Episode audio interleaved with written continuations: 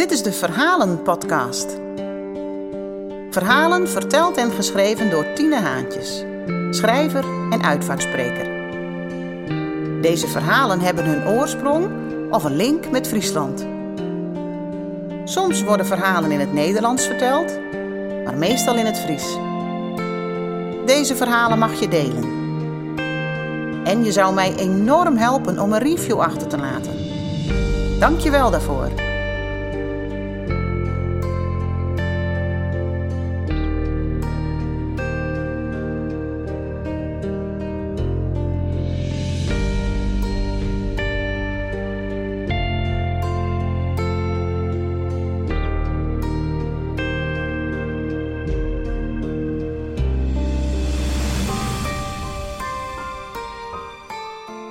Deze podcast het levensverhaal van Henk Poepjes.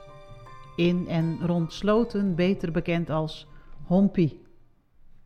Henk was een bijzonder mens. Als voormalig visser vond hij zijn vrijheid op en rond het water. Zijn hartstocht voor vissen en liefde voor dieren deelde hij in levendige verhalen, waarbij zijn ogen altijd glunderden. Zijn enthousiasme was aanstekelijk. Henk is op 7 maart 1937 geboren in Sneek en op 30 januari 2024 gestorven in Leeuwarden. De 86 jaren daartussenin woonde en leefde hij in zijn geliefde stad, Sloten. Het levensverhaal van Henk Poepjes. Henk Poepjes is geboren op 7 maart 1937 in het ziekenhuis van Sneek. Hij was de jongste van zes kinderen. Het gezin Pieter en Hiltje Poepjes Wiarda woonde op de Herenwal 55 in Sloten. Hun oudste zoon, Gurbe, was op jonge leeftijd overleden aan de mazelen. Zo, zo, zo groeiden de vijf kinderen, Hinke, Tine, Makke, Gurbe en Henk met elkaar op. Toen Henk dertien maanden was, overleed zijn moeder aan TBC. Moeder had een groot hart, was zeer gelovig en voelde zich verantwoordelijk voor het welzijn van anderen. Vader was visser en lange dagen aan het werk. Henk werd opgevoed door zijn 16 jaar oudere zus, Hinke. De twee hadden een speciale band. Door het leven heen is Hinke altijd heel belangrijk voor hem geweest. Henk en Gurbe gingen samen naar de lagere school in Sloten. Ondanks de verschillende karakters konden de broers het goed met elkaar vinden. Gurbe was de eerste die met Hoyt ging vissen. Al vanaf zijn veertiende een paar jaar later volgde Henk. Daarvoor werkte hij nog een poosje in de fabriek, maar dat was niet zijn ding. Veel liever was hij buiten, op het water, in de natuur. De dagen begonnen vroeg op het meer om te vissen, op snoekbaars en paling. Rond het middaguur terug, de netten drogen en repareren op het boetelandje, waar ook de vis werd verhandeld. Het was een goede tijd. Het verdiende goed. Henk was klein en lenig en ook taai en sterk. Hij was goed in vierlieppen. Vooral zijn zus Makke was erg trots op hem dat hij dat zo goed kon. In die tijd had je bij de Mallemok, aan de kant van de haven, een springschans. Henk haalde zijn rijbewijs voor zichzelf en ook voor de familie zonder auto en rijbewijs. Henk had, net als zijn moeder, een groot hart. Iedereen kon altijd een beroep op hem doen. Er kwamen op de Herenwal veel mensen over de vloer. Vaak werd er bij voorbaat al een aardappel extra geschild, mocht er iemand willen blijven eten. Het was er altijd gezellig en iedereen was welkom. En omgekeerd, als vrienden samen kwamen in het café, dan werd Henk van huis gehaald. Want met Henk erbij was het gezellig zo ook bij de Damclub en de biljartclub, waar hij lid van was. De zussen Hinke, Tine en Makke gingen het huis uit. Ze trouwden en kregen kinderen. Gurbe en Henk bleven bij hun vader wonen. Ze hadden het goed met elkaar en waren heel tevreden met hun leven. Makke had een winkeltje aan de voorkant van het huis. Zij en haar dochter Hilda kwamen veel over de vloer. Met Henk was er altijd vrolijkheid en plezier in huis, zei Hilda. Hij glunderde als hij ons verhalen vertelde. En er was ook ruimte voor een goed gesprek. Naast visser was Henk vooral ook hobbyboer. In het weiland achter huis hield hij schapen, een koe, die na verloop van tijd in de vriezer belandde, kippen en een geit. Een van de schapen was gek op check. Henk had altijd een sigaret in de mond. En als hij een nieuwe draaide, kreeg het schaap ook een plukje check. Het was ook een verzamelaar. In oude spullen zag hij altijd nog iets waardevols. Verzamelen zat in zijn genen. Als mensen iets nodig hadden, werden ze vaak naar Henk gestuurd. Misschien heeft Hompie nog iets liggen. De hokken en later ook de loods raakten vol met spullen. Henks vader kreeg rond 1980 een hersenbloeding. Hij kon daarna niet meer goed praten en werd vanaf die tijd verzorgd. Toen Henk eens aanzat met het hooi, werd Hilda ingeschakeld. Doorriest in mijn auto, rustig in de twa en paken kan wel naast zitten. Henk liep achter de auto en gooide de pakjes op de kar. Paken verhuisde naar de Ierlanden en overleed in 1982. Memorabel zijn de verjaardagen van Paken Pieter in november. Met veel gezelligheid. Ze aten dan stoofde iel, bjentjes en stoofparkers. Die stoofpeertjes plukte Henk uit de boom bij de pastorie. Hij was nergens bang voor en plukte maar al te graag de hoogste peren. De vrijgezelle broers bleven niet alleen. Gurbe trouwde met Maria en verhuisde naar het boedelandje. En Henk ontmoette Somjai, Che. Na een paar jaar briefcontact in het Engels maakte Henk in 1987 samen met zijn vriend Jan en broer Gurbe de reis naar Thailand. Uit de brieven kon Che wel opmaken dat Henk een hele lieve man was. Henk en Che waren zielsverwanten. Gurbe schreef vanuit Thailand: Henk komt thuis met een vrouw. Che woonde met haar familie op het platteland in Sisaket. Het stel reisde samen door Thailand. Henk stond open voor de cultuur. Hij genoot van het land en de vriendelijke, open mensen. Na hun reis kwamen ze naar Nederland. Op 16 mei 1988 zijn ze getrouwd.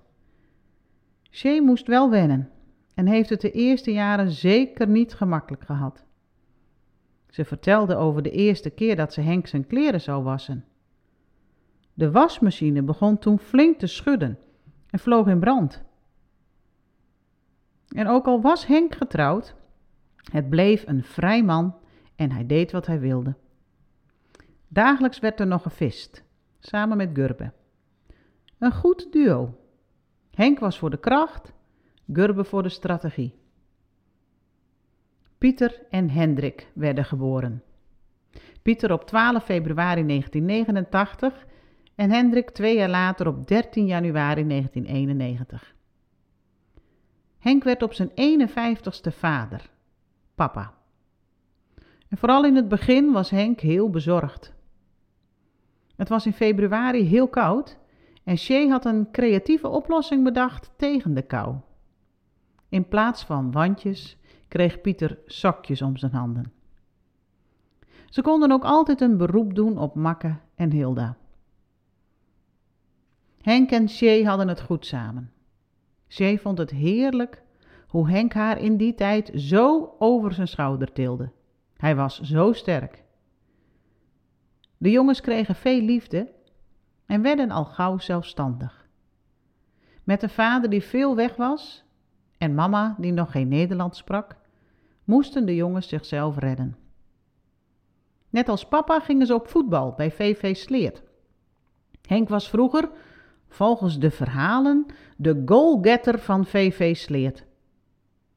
Maar zijn talenten lagen toch eerder in de derde helft. Henk was natuurlijk een trouwe supporter van zijn zonen. Ieder weekend gingen ze er met elkaar op uit. Naar het bos, naar Stavoren, de orchideeënhoeve of gewoon een picknick in een weiland. Henk gaf de jongens de liefde voor de natuur mee. Soms vonden ze onderweg een dier wat verzorgd moest worden en die namen ze mee naar huis. Een zilverreiger, duiven, eenden, ganzen. Als het Henk niet lukte om een dier te vangen, dan kon dat wel. Ooit probeerde Henk een loslopende kip te vangen, wat hem niet lukte. Dat frustreerde hem. De volgende dag reed hij terug en ving hem alsnog. Ze vingen ook eens een papegaai. Dat vroeg wel wat geduld. Het duurde maanden voordat het dier de kas invloog, die als val werd gebruikt. Met een touwtje lieten ze het deurtje dichtvallen en was de papegaai veilig. Er kwam ook een schildpad in huis. Een babyschildpad, zo groot als een postzegel. En die is inmiddels al meer dan dertig jaar oud. Soms ging Shay ook mee te varen of vissen. Altijd stond Henk zijn kameraad, de reiger, hen uit te zwaaien als ze sloten uitvoeren. En bij terugkomst kreeg de reiger een visje. Onderweg vond Henk weer spullen die hij mee naar huis nam. Zo lag er eens een wrak in het water. Dat werd een hele operatie om die mee te nemen. Henk voer, Shay hield het wrak zo goed mogelijk vast. Maar de boot schommelde en het was eng. Henk zei, zoals altijd: Dat lukt wel, het kan wel. En hij kreeg bijna altijd gelijk. Hij zag mogelijkheden waar anderen de onmogelijkheden zagen. De regering legde steeds meer regels op voor de beroepsvisserij. Eerst een verbod op snoekbaars, later ook op paling. Het familiebedrijf werd uitgekocht. Gurbe had het er erg moeilijk mee. Henk leek zich er gemakkelijker overheen te zetten. De liefde voor Thailand bleef. Eens in de zoveel tijd ging het gezin naar een bijeenkomst van de Thaise gemeenschap. Met lekker eten, Thais eten, lekker pittig. Daar hielden Shay en de kinderen wel van. Henk minder. Shay kookte thuis Thais, maar voor Henk maakte ze Hollandse kost. Twaalf keer reisden ze terug naar Thailand. Eerst met oud en nieuw en later met de kinderen in de zomervakantie. Na de lagere school en het voortgezet onderwijs kozen Pieter en Hendrik beide voor de opleiding elektrotechniek. Al hadden ze beide ook wel voor de visserij willen gaan. Nu maakten ze andere keuzes. Pieter doet tegenwoordig de administratie bij SJDB Gevel en Dakbeplating en Hendrik werkt bij verlichtingsgroothandel Art Delight. In 2013 kwam Saskia erbij in de familie en Tjungi twee jaar later. Wat waren Henk en Shay blij met de meiden. Omgekeerd vond Tjungi het eerst wel heel spannend, maar ze was meteen heel welkom. Henk vroeg altijd: Eet je wel goed? En heb je nog wat nodig? Eén keer had Henk een paar schoenen voor Tjungi gevonden. Krekt wat, dacht hij maar ze bleken toch wat maten te groot te zijn. Ze gingen de eerste jaren nog graag een dagje weg, naar de dierentuin of Giethoorn. Een ritje met Henk was een avontuur op zich. Als er iets aan de kant van de weg lag, moest het worden opgepikt. En als hij naar het stort reed met een volle kar, kwam hij nooit met lege handen terug. Hij zag schatten in de rommel van anderen, zei Hendrik. Zo vulde hij zijn kar en de harten van zijn geliefden met kostbare herinneringen. Ze waren trouwe gasten bij de Chinees in Balk. Iedere verjaardag werd daar gevierd. Het contact dateerde nog uit de tijd dat Michael zijn vis bij Gurbe en Henk kocht.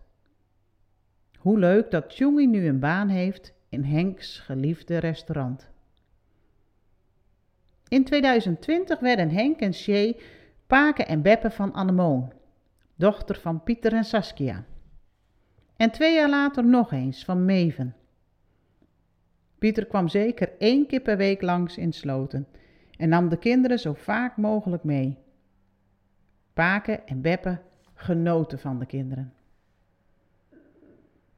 Henk zijn gezondheid ging achteruit. Hij begon te dementeren. Shay en de familie zorgden thuis voor hem. Hij wilde thuis blijven wonen. Er kwam buurtzorg. Wat was Henk blij met de dames van de buurtzorg en zij met hem. Ze maakten graag een wandeling door Sloten. Henk vertelde dan verhalen over Oud-Sloten. Het was en bleef een verhalenverteller. Shay was er 24 uur per dag voor Henk. Zij heeft met zoveel liefde voor hem gezorgd. Hendrik en Tjungi hadden plannen om een huis te bouwen in het land achterhuis, om van daaruit zorg te kunnen verlenen. Het opruimen van de loods was een enorme klus en ze adviseerden Henk om maar niet te komen kijken. Helaas is het huis nog niet gebouwd. En helaas moest Henk eind oktober toch verhuizen naar een verzorgingstehuis. Het kon thuis niet meer. Het Erasmus in Leeuwarden was een fijne plek. Na een week begon Henk er te wennen. Hij maakte graag een praatje met deze en gene. Hij had het er erg naar de zin. De familie kwam zo vaak mogelijk langs. Hendrik, Tjungi en Shay nog op de laatste zaterdag. Hij lag op bed en at niet meer. Pieter en Saskia waren maandags bij hem, de dag voor zijn overlijden. Pieter zag dat het niet goed zou komen. Hij beloofde goed voor mama te zullen zorgen en bedankte hem voor alles, voor wie hij was en voor zijn liefde. Hendrik Poepjes overleed de volgende ochtend op dinsdag 30 januari. Hij is 86 jaar geworden. Hij zal altijd voortleven in de warme herinneringen en in de verhalen die worden gedeeld.